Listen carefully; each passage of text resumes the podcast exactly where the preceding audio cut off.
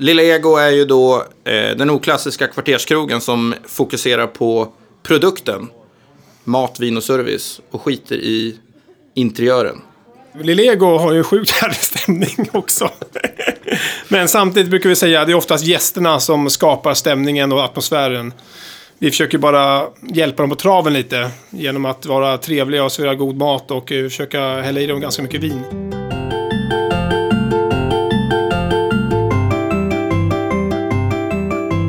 Hej, nytt poddavsnitt. Idag så träffar vi Daniel Rems och Tom Sjöstedt på den omåttligt populära restaurangen Lilla Ego.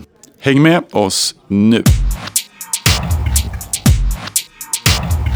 Vad säger vi? Vi säger väl att det är typ en oklassisk kvarterskrog eh, med skön känsla och vällagad mat. Eh, Svårare än så är det inte. Då sätter vi ribban där och sen eh, hoppas jag att de är lite mer nöjda än så när de går därifrån. All fokus ligger ju på själva produkten. Alltså vad man sitter på eller i vilket rum. Och det är rätt så fult hos oss. Eh, så det, är ju det viktiga är ju liksom produkten och det är ju mat, vin och service. Det är ju allt hos oss. Koncept var väl rätt så enkelt ändå. Eh, menyn tog vi ju inte först precis innan. Men konceptet var vi rätt så överens om från början vad vi ville göra. Och det var Eh, vi ville starta helt själva och då blev konceptet rätt så enkelt att vi hade inga pengar att stoppa in utan vi behöver göra allt själva och då blev inte så påkostat. Och sen så har vi ju liksom hela tiden drivit efter att starta liksom vår egen drömrestaurang, alltså den vi själva skulle vilja besöka. Jag vet inte hur många gånger vi har suttit i gästperspektivet på två stolar och tänkt hur ska vi göra, lösa det här problemet. Med ett måttband. Ja, med måttband och ja, massa konstiga idéer. Som, och det har gått fram och tillbaka men vi har ju liksom, vi höll på i tio månader tror jag och eh, från det att vi köpte lokalen tills att vi öppnade. Så att, Nej, men det är ju ganska, man tänker på det nu, jag har inte tänkt på det här på länge, så är det en ganska cool process. För det handlar ju mycket, att få fram det vi fick fram, handlar ju mycket om att man hade en övertygelse om någonting. Var vi oense om någonting, då fick man ju sätta sig ner liksom och övertyga den andra att så här ska det vara, det här är bäst och komma med en jävligt bra utläggning. Eh, och då är ju inte vi sämre än så, bara, ja men fan du har rätt. Eh, så är det bara. Vi gör ju mycket liksom. Vi ska ha mellanrätter, förrätter, hur ska borden vara, ska vara runda bord och... Alltså, vi, vi har ju tagit alla beslut tillsammans. Och eh, som sagt, när vi väl öppnar upp så har vi egentligen inte ändrat någonting av det. Utan allting genom bara diskutera, prata, argumentera för sig. Hur med bokningar, alltså det finns ju 30 000 saker att prata om. Så ja, men så gick det bra. Ja, det som tog överlägset längst tid, alla kategorier, var storleken på bord. Eh, de var måttansvariga. Jag vet inte, vi ältade det säkert i sex månader. Mm. Och till slut så var vi tvungna att göra borden. Så då var det bara att köra ändå till slut. Ja, ja men det var väldigt viktigt. För att ja. vi ville ha tillräckligt stora bord, men vi ville också få in tillräckligt många bord. Så att det var väldigt... Det är väl det vi har diskuterat mest. Absolut. Ja, det är helt galet. Jag vet, jag var på San Francisco där i, innan när vi köpt krogen. Då hade jag med mig så här ett måttband. Så på varenda krog jag var i San Francisco så mätte jag borden. För att få känsla, liksom, hur satt man? Satt man tight? Vad hade de liksom för mellanrum mellan borden? Var det 5 cm, 10, 15? Hur, kan man, hur tight kan man sitta utan att bli irriterande? Eh, så att, eh, och sen på krogen också, jag vet inte hur mycket vi har mätt alltså. Det var ju, alltså det är helt galet. Vi har nog ägnat månader åt bara sitta och mäta och rita upp och trycka in ett bord, höjda höja bordet, sänka bordet. Eh, och vi snackar om runda bord. Fy fan vilken tur att vi inte hade runda bord alltså.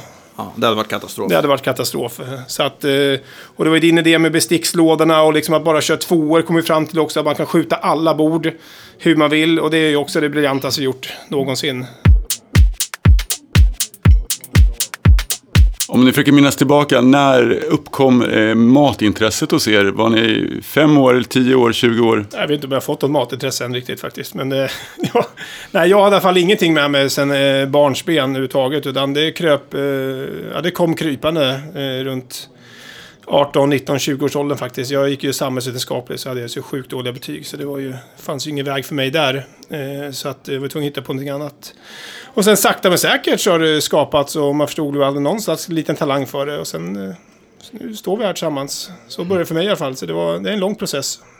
Ja, det är samma sak. Jag har aldrig lagat mat när jag var liten. Åt mycket mat. Jag har alltid ätit mycket mat hemma. Jag är duktig att laga mat. Både mamma och mormor och allihopa.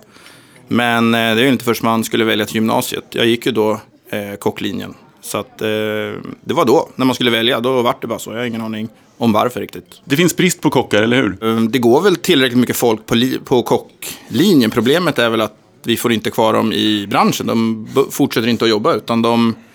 eh, Alla som går ut slutar och blir någonting annat. Jag har svårt att säga varför men eh, det är för få som jobbar kvar i alla fall. Så det är jättestor brist på kockar. Och eh, där kan jag säga, där får ju skolor och eh, mycket skit.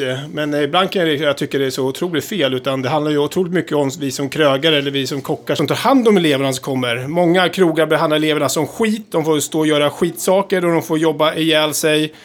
Och de får ta kockarnas pass för att det inte finns några kockar. Och eh, de blir utbrända när de är 18-19 år och eh, sen försvinner de bort. Så att eh, mycket ligger hos oss som tar emot eleverna. Att behandla dem bra, låta dem få jobba, absolut. Men respektera dem. Och eh, låta dem lära sig och förstå vad yrket handlar om.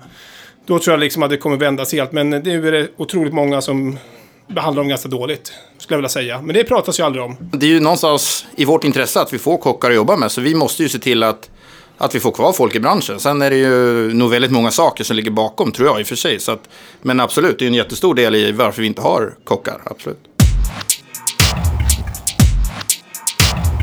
Berätta lite om namnet. Hur såg den processen ut? Eh, ja, nej, men vi hade väl... Eh, alltså var det vi satt och tänkte på Kent-låtar överhuvudtaget. Drog upp en sju, åtta låtar där, låttitlar. Och, men det kändes som ingenting fastnade. Sen hade vi några andra riktigt, eh, nu i dagsläget lite korkade namn. Eh, som kändes jäkligt bra, tyckte jag då. Men inte Daniel. Eh, och sen så bara släppte poletten ner genom att en, eh, en kompis här till oss som eh, var med lite grann i processen satt med lite grann i en liten styrgrupp. Vi hade två personer som vi ältade med lite grann. För att känna hur en vanlig människa tycker, tycker om saker och ting också. Så inte bara vi som är insnöade restaurangmänniskor eh, tycker och tänker. Så hade han mejlat till mig, tror jag, inte till dig också, där, bara att ja, men ska ni inte hitta ego? Eh, ni är ju två jävla egon. Och det där bara ramlar ner. För då finns det ju en Kent-låt ju med Stoppa mig i juni, lilla ego. Och då ringde jag upp till Daniel direkt bara, nu. Ego, Anders, han bara, ego skrev han. Lilla ego, tror du om det? Och då började du bara, ja, fan stora ego, lilla ego. Och så gick vi och kände på det här bara. Och så bara kändes det så sjukt rätt efter ett tag alltså. Och nu känns det ju mer rätt än någonsin. Och alla tycker ju ändå... Ja, det finns ju en tanke med det och gillar ju namnet. Just därför alla fattar ju inte att det var en Kent-låt från början. Alla trodde ju att vi var två stora egon som då enade sig i ett litet ego i restaurangen. Och så är det ju också. Kan du inte nämna tvåan och trean? Liksom, vad, om det inte blir ett lilla ego, vad, vad, nå- något mer förslag? Vad hade det het- hetat då? Ja, men ett av de vassaste, det, det hetaste, det kan du ju dra i alla fall. Det, Vilket var det? Eh, vargen. Vargen var liksom ett namnförslag också. Ja, Jag gillar det som fasan. Det var, fanns ju mycket andra saker vi kunde jobba med det. I vår källare då med varglyan och man skulle kunna köra vargtass som köksgrogg och... Ja, Du var ju lite på det i början Ja, där. nej. Innan du började liksom fråga din fru och din, din familj och så liksom. Då vart det ju kalla handen. Det var ju tur det. Ja, det var kanske tur det.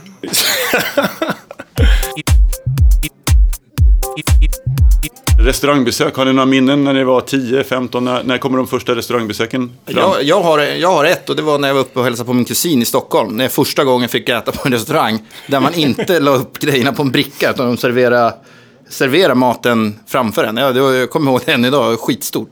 Det var någon eh, köttbit med gorgonzolasås. Det var inte så gott men det, själva känslan att få, få reserverat och inte köra på bricka var fantastiskt. Ja, men jag har två, två minnen faktiskt. Det var vi också, jag är ju från Östergötland nere, så vi var uppe i Stockholm ibland. Då var vi på, faktiskt på, när det var fest, då var vi på Minerva. Då var det då hästbiff, eh, Café de Paris-smör och pomme. Alltså, det, det kan jag tänka fortfarande hur jäkla gott det var. Och sen det största ögonblicket, då är jag nog så här, jag vet inte hur gammal jag var, men då var jag ju stor. Det var faktiskt på F12. Kommer ihåg exakt, det var sotad lax med någon kräm och så var det gulbetesnoga. Det var det vackraste jag sett i hela mitt liv. Då fattade man ingenting, liksom, att man kunde laga mat på det sättet som han gjorde då när han drog igång F12. Och det restaurangbesöket kommer jag ihåg så det bara sjunger om det. Och det var väl en 20 år sedan.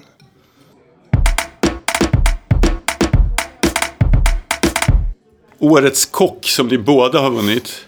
Om ni översätter Årets kock till, till någon sorts sportbragd.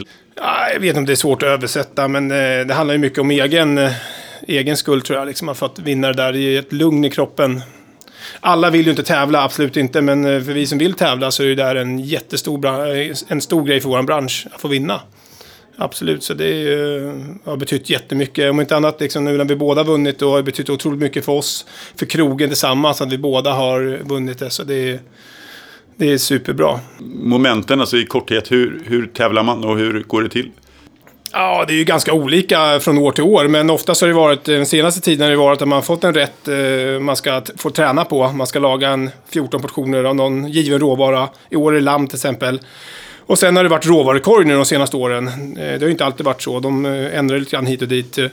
Och det är ju också ändrats igen. Ibland får man råvarukorgen exakt när man ska börja tävla. 45 minuter på att skriva recept och köra. Och ibland har man fått eh, kanske någon detalj en månad innan och ibland har de släppt det två veckor innan. Så det är lite olika. Men det handlar om att få ihop det här till två riktigt bra rätter. Och eh, du lagar ju för 14 portioner varje rätt. Så att eh, det gäller ju att vara med i matchen. Ja, jag tror att man måste vara ihärdig. Jag menar, det, det går åt mycket tid att träna. Jag menar, det är inget, ingen går och ställer sig där utan att ha tränat väldigt mycket oavsett hur tävlingsuppgifterna ligger till. Men sen så tror jag också att det gäller att försöka hitta ett lugn och att man inte... Det enda som brukar vara riktigt säkert är att det är någonting som går åt skogen eh, under en tävling. Och det gäller att kunna hantera det och att man inte får...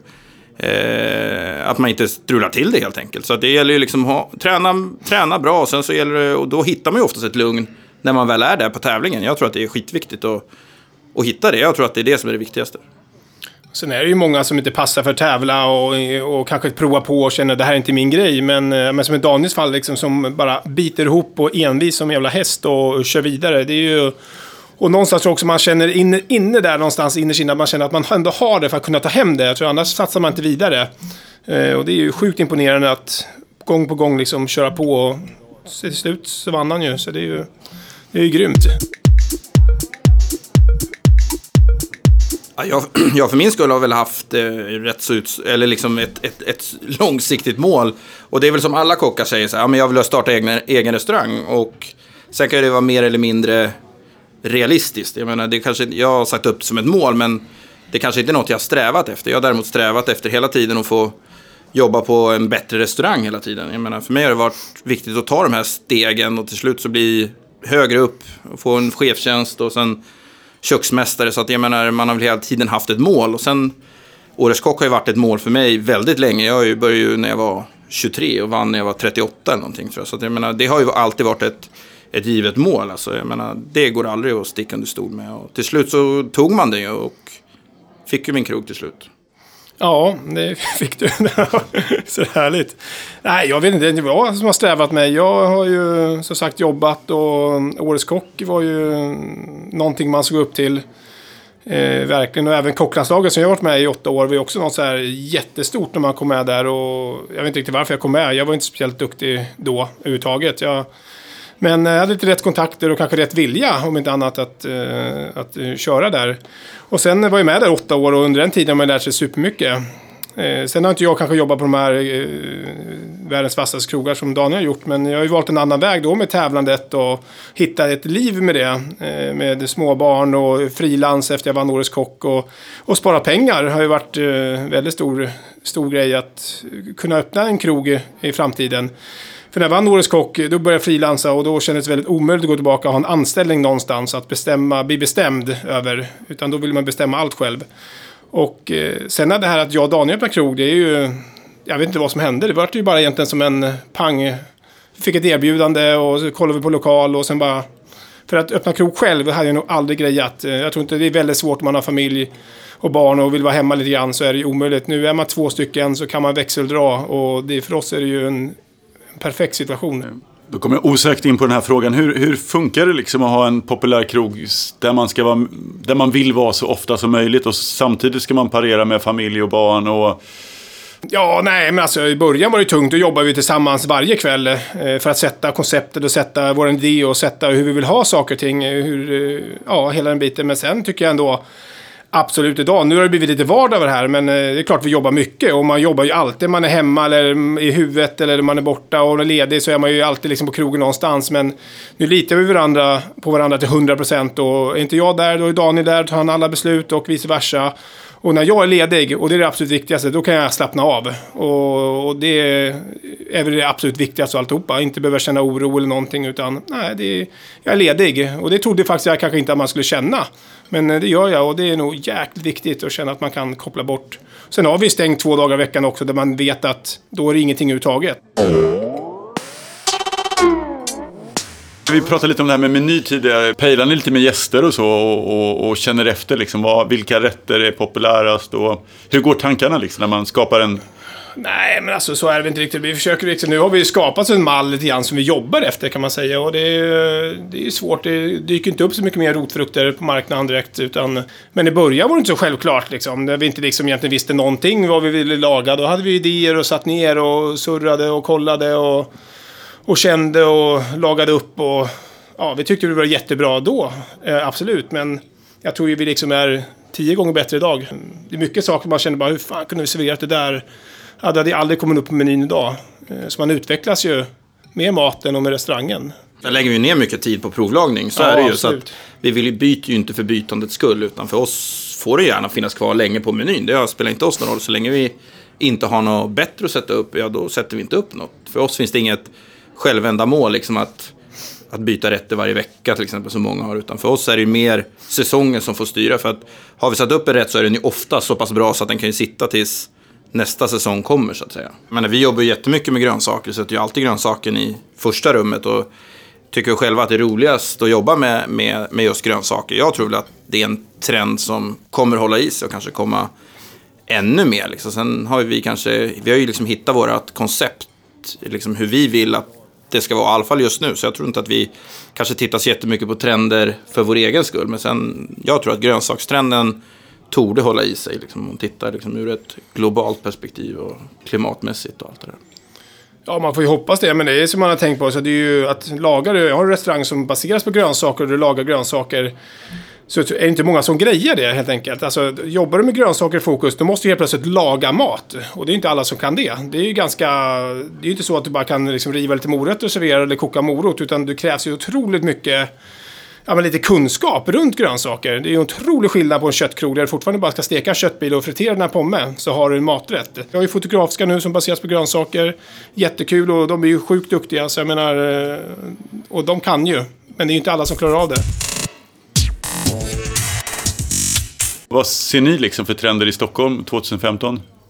Ja, vad säger du? Vill du börja? Ja, det, det, den är ju svår alltså. Det är, men det är ju så allt när man ska sia in i framtiden. Och den här kötttrenden har man ju liksom spottat att den ska vika av i snart fem års tid tycker jag. liksom. Och den gör ju inte det. Den är ju starkare än, än någonsin. Det är ju väldigt bekvämt att, att, att laga sån typ av mat. Både bistromat och det är liksom, du behöver bara nå upp till, till en okej nivå så är du hemma. Liksom, istället för att ja, men du ska hålla på med grönsaker som är svårt och du behöver liksom, ta i och det, det blir ju personalkrävande att laga sån typ av mat. Det är visst, den är kanske billigare att köpa in men personalkostnaden blir så pass, är ju så pass mycket högre för att du behöver ju jobba med varenda liten grej på en grönsaksrätt eller där man har mycket grönsaker. Så att, ja, bistrotänden är ju trevlig så att den hänger säkert kvar. Nej, jag hoppas ju att det dyker upp mer små ställen. Eh, små, där krögare försöker stå lite mer på egna ben och, och poppa upp småställen. Lite grann som Köpenhamn som man har ju alltid jämför med de senaste 10-15 åren. Och det känns ju liksom, där känns det ju som att det inte finns några stora koncerner som kanske vi har i Stockholm. Där det är stora grupper som har otroligt mycket restauranger. Där är det ju mer fristående och det är små restauranger lite överallt. Och otroligt härlig känsla. Vi har ju faktiskt inte så många sådana restauranger i Stockholm. Så jag hoppas att det kommer mer små restauranger. Om ni går ut med en kompis själva eller med familj och vill gå på en skön krog bara en vardagskväll. Har ni liksom några favoriter i Stockholm? Jag tycker min favorit, som, bästa krogen som jag har ätit på senaste året i alla fall, det är Nok. Alltså, jag tycker de är överlägset bäst i stan.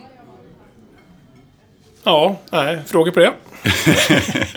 nej, jättebra, superbra. Alltså, det, är, det är också, det är kanske också för man brinner lite extra för dem, är att de ligger ju ganska eh, nära oss. Eh, Inte matmässigt, men eh, hela sättet att driva krog. eh, Två krögare och man vet att de sliter liksom och de har slitit och de har målat själva. Och, och då kanske man får lite mer så här, man får lite mer känsla för dem. Eh, så det är ju superbra. Men eh, ja, jag vet inte vad jag ska säga liksom. Men det, är ju, det beror ju väldigt mycket på liksom, vem man är ute med och vad man ska göra och vad man har för intresse. Och jag som sagt, det här med köttbiten, bea och pomme. Jag kan käka sån. Absolut inga problem med det överhuvudtaget. Det är supergott. Bröd till maten, är, är det en självklarhet? Eh, var ni tvungna att fundera mycket över det? Och vilket bröd, hur skulle det se ut? Eller var det en, en inte så viktig fråga? Eller? Nej, ja, det var väl, stod ju och vela. Vi pratade faktiskt om att inte ha bröd överhuvudtaget ett tag. Men eh, det är väl lite samma sak. Det blir en trygghet. Vi valde ju någonstans att, att köra trerätters. Och då tycker vi väl att... Jag tror gäster förväntar sig när man äter en trerätt så att det ska finnas bröd. Jo, men sen var det också, hade vi ju de grejerna, de här små eh, formarna som vi körde också. De här träformarna som du hade, Torres Kock där. Vi hade ju dem som stod bara där och de är så sjukt fina så att eh, det var mer att vi var tvungna att använda dem till någonting också. Och så vart det då brödserveringen. Eh, som känns briljant nu. Alltså själva serveringen känns briljant. Sen vet jag inte om brödet och smöret är så jävla bra. Men alltså det är ändå, serveringen är ju bättre än eh, det du äter. Eh, och sen har vi som sagt velat fram och tillbaka. Ska vi ha ett smakrikt bröd eller ska vi ha ett eh, helt neutralt?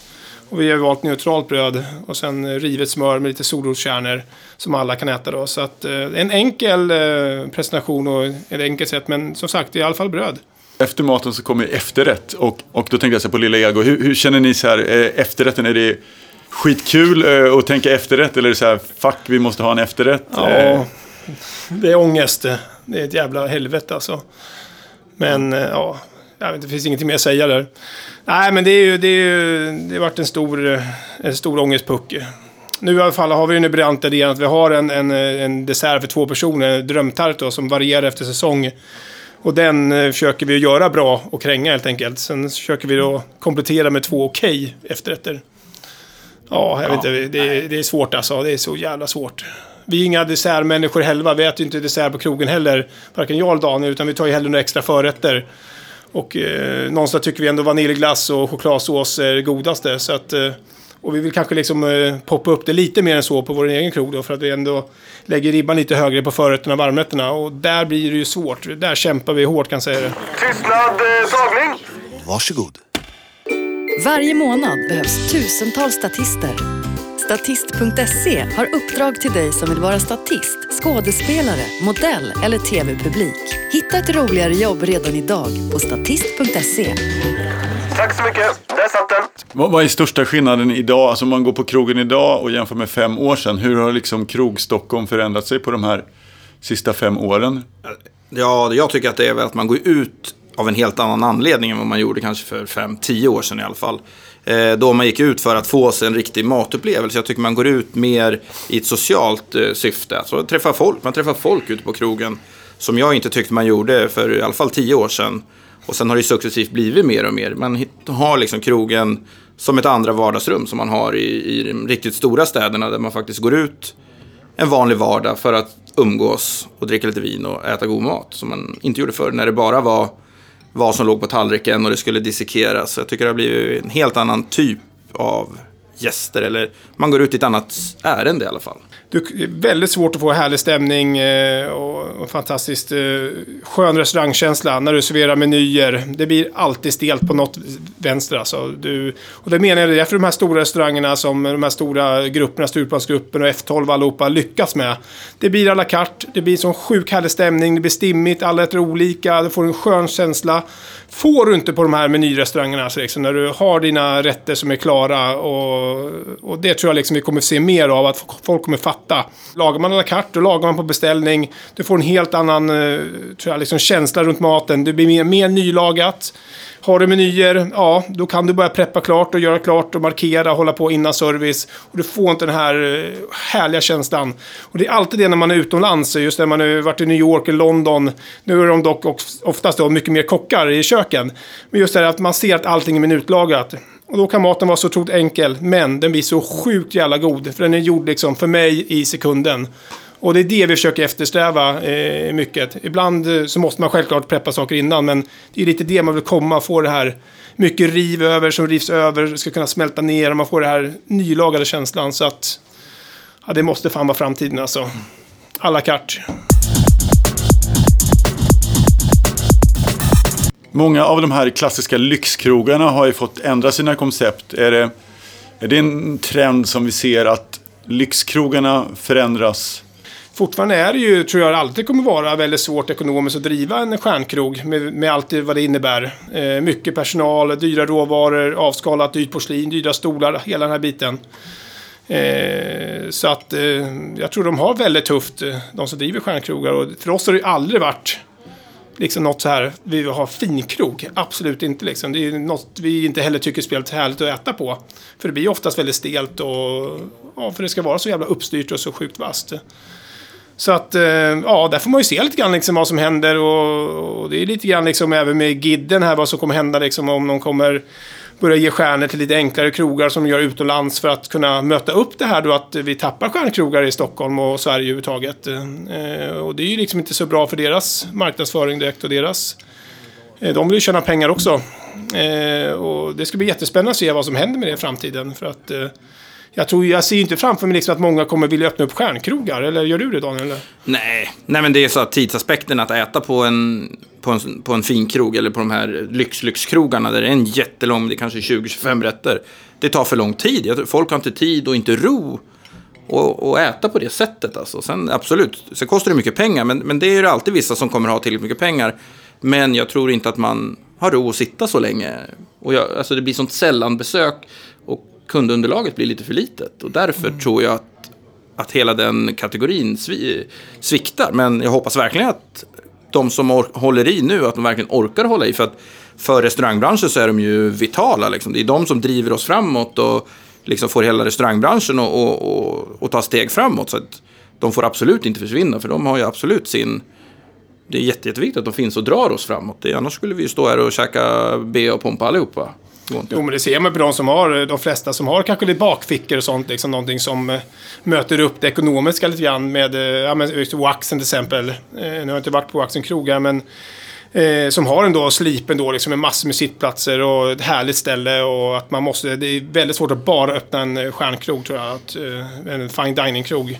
Utan man måste ha någonting mer som, eh, som drar runt det hela. Och det är ju som Daniel säger, liksom, det är beundransvärt. Jag är imponerad och det de gör är ju jättehärligt. Men det är kanske ingenting själv man vill hålla på med. Hur skulle ni säga att Sverige står sig jämfört med, vi har Danmark som ni pratar mycket om, Köpenhamn. Vi pratar ibland ofta om New York, man kan prata om Frankrike såklart. Vad, vad är skillnaderna? Har ni lite koll på andra länder, trender och, och hur, ser det, hur skiljer det mellan Ja, alltså jag tycker att den staden som jag är kanske mest intresserad av och tycker är intressantast, det är ju den som ligger nära och det är faktiskt Köpenhamn. Jag tycker de är helt fantastiska. Och det är lite som vi var inne på innan, att eh, just att det är små enheter, alltså att de är mer individuella krogar som kör sin egen grej istället för som vi har i Stockholm som är faktiskt lite tråkigt. Det är de här jättestora eh, grupperna med, som har 10-15 jättestora krogar. Eh, så, där tycker jag att vi har, har en bit kvar. Men sen matmässigt, kvalitet, kvaliteten på de som lagar riktig mat, om man säger, eller god mat, eh, den tycker jag är väldigt hög faktiskt. Jag menar, sen, eh, ja, jag menar jämför vi oss med Paris så tycker jag Stockholm är till, till och med väldigt briljant. Där ligger vi ju ljusår före. New York har ju inte varit, det har ju du varit. Mm. Ja, det är bra. Nej, men det är ju som Daniel säger, absolut. Men sen är det ju också att man får inte underskatta eh, resten av världen. Vi tycker självklart att den maten vi lagar är ju godast. Vi gillar ju det här minimalistiska, avskalade. Vi gillar ju syrat, vi gillar ju rökt, vi gillar ju sälta. Och det får man ju faktiskt ha respekt för att det är inte alla människor i världen som gillar sån mat på det sättet som vi gör själva. Vi gillar ju tryckesmakerna och hela den biten. Och, ja, men fransmännen, de är ju uppväxt i en annan skola.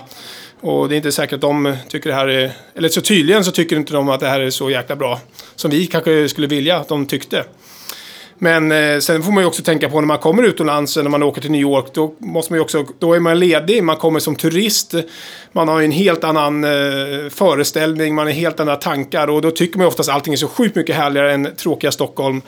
Eh, för att man, eh, likadant som det kommer turist från New York och kommer till Stockholm och käkar så tycker de säkert att det är ashärligt. Så man måste ju ändå ta, ska man se det med ett perspektiv liksom så, så är vi ju riktigt bra i Stockholm. Jag tänkte prata om recensioner. Alltså när man får en recension i Dagens Nyheter eller Svenska Dagbladet, DI. Den är ju otroligt viktig för en restaurang. summan av kardemumman så tycker jag väl eh, det kan ju visst finnas små sakfel i, i en recension, men ofta så tittar man liksom i känslan på en, en, en recension så brukar den ofta spegla liksom själva krogen hyfsat ändå. Jag menar, man får ju inte glömma liksom att eh, en recension eh, speglar ju faktiskt den eller de som varit där, deras besök. Jag menar, det, det kan man någonstans heller aldrig ta ifrån. Jag menar, den har ju ändå upplevt det så.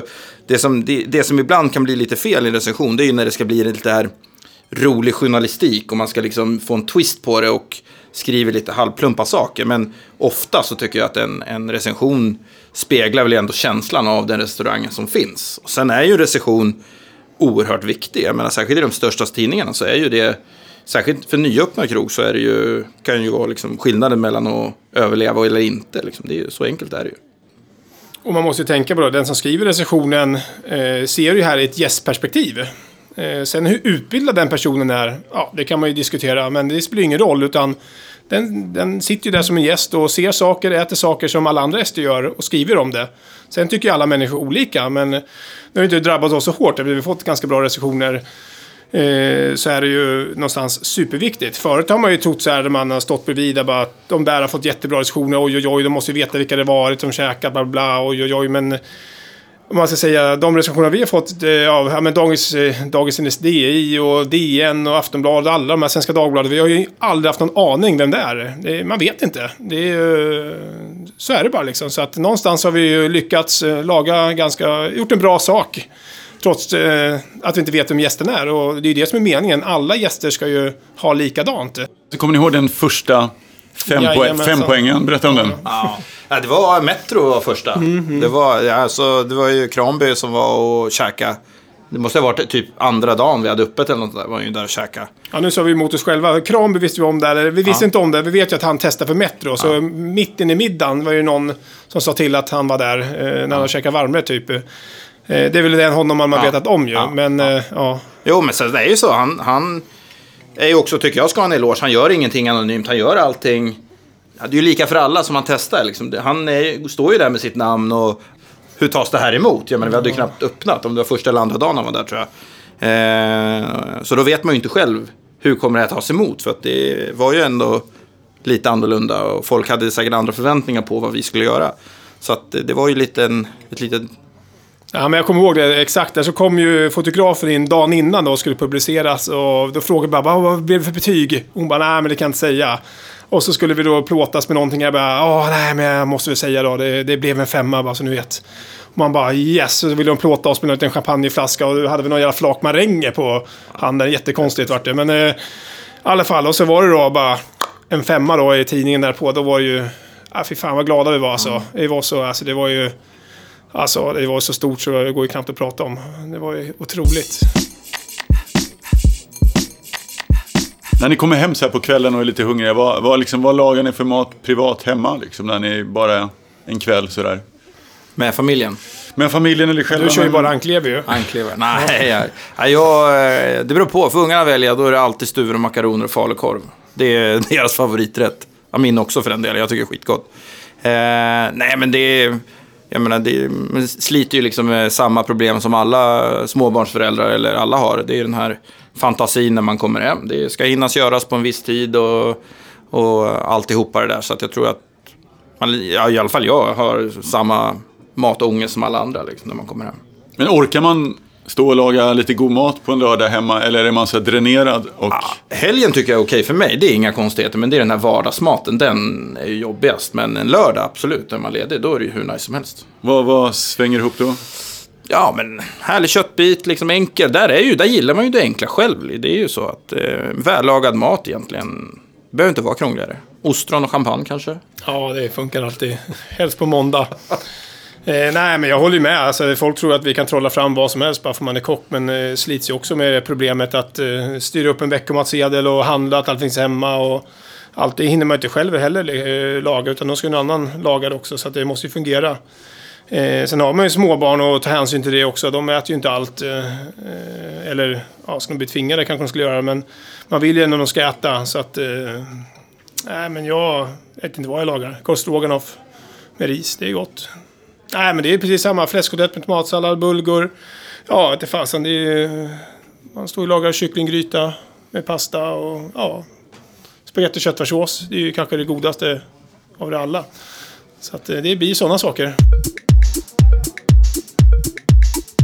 Vilken är den bästa, om, om man verkligen vill komma och äta och, och, och vill komma dropp, droppa förbi. Vilken tid och vilken dag ska man välja för att ha störst chans att få bord?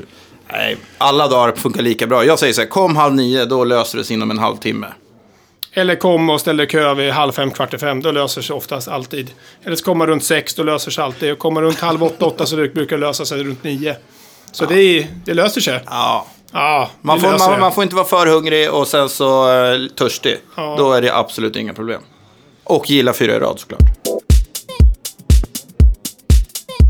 Ja. men det jag är mest stolt över, det vi har gjort själva, det är ju faktiskt den här bestickslådan. Ja. Designat och sen så hade jag eh, semester på sommaren där, så jag stod på landet och fräste ut alla de här bestickslådorna. Så Ja, men när du kom upp med baren där, du vet, bara en tre meters bar med Ja. bestickslådor. Och eh, det roliga var att det passade ju också. Det, att får ihop det, det kan man ju tänka mig liksom att ändå så här funkade. Helt galet. Och du- vi jobbade ju samtidigt, så att vi hann, det här gjorde vi ju på kvällar och helger. Och när man, vi frilansar ju både och. Jag hade ju precis vunnit Årets Kock. Eh, så allt har jag gjort på kvällar och helger och allt det där. Så att, eh, det var ju därför det tog lite lång tid. Det tog ju tio månader. Så att, eh, ja. Ja, men det var värt det.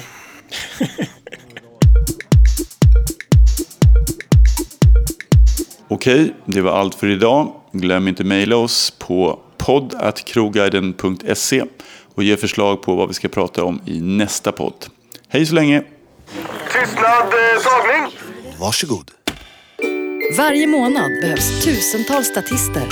Statist.se har uppdrag till dig som vill vara statist, skådespelare, modell eller tv-publik. Hitta ett roligare jobb redan idag på statist.se. Tack så mycket. Där satt den.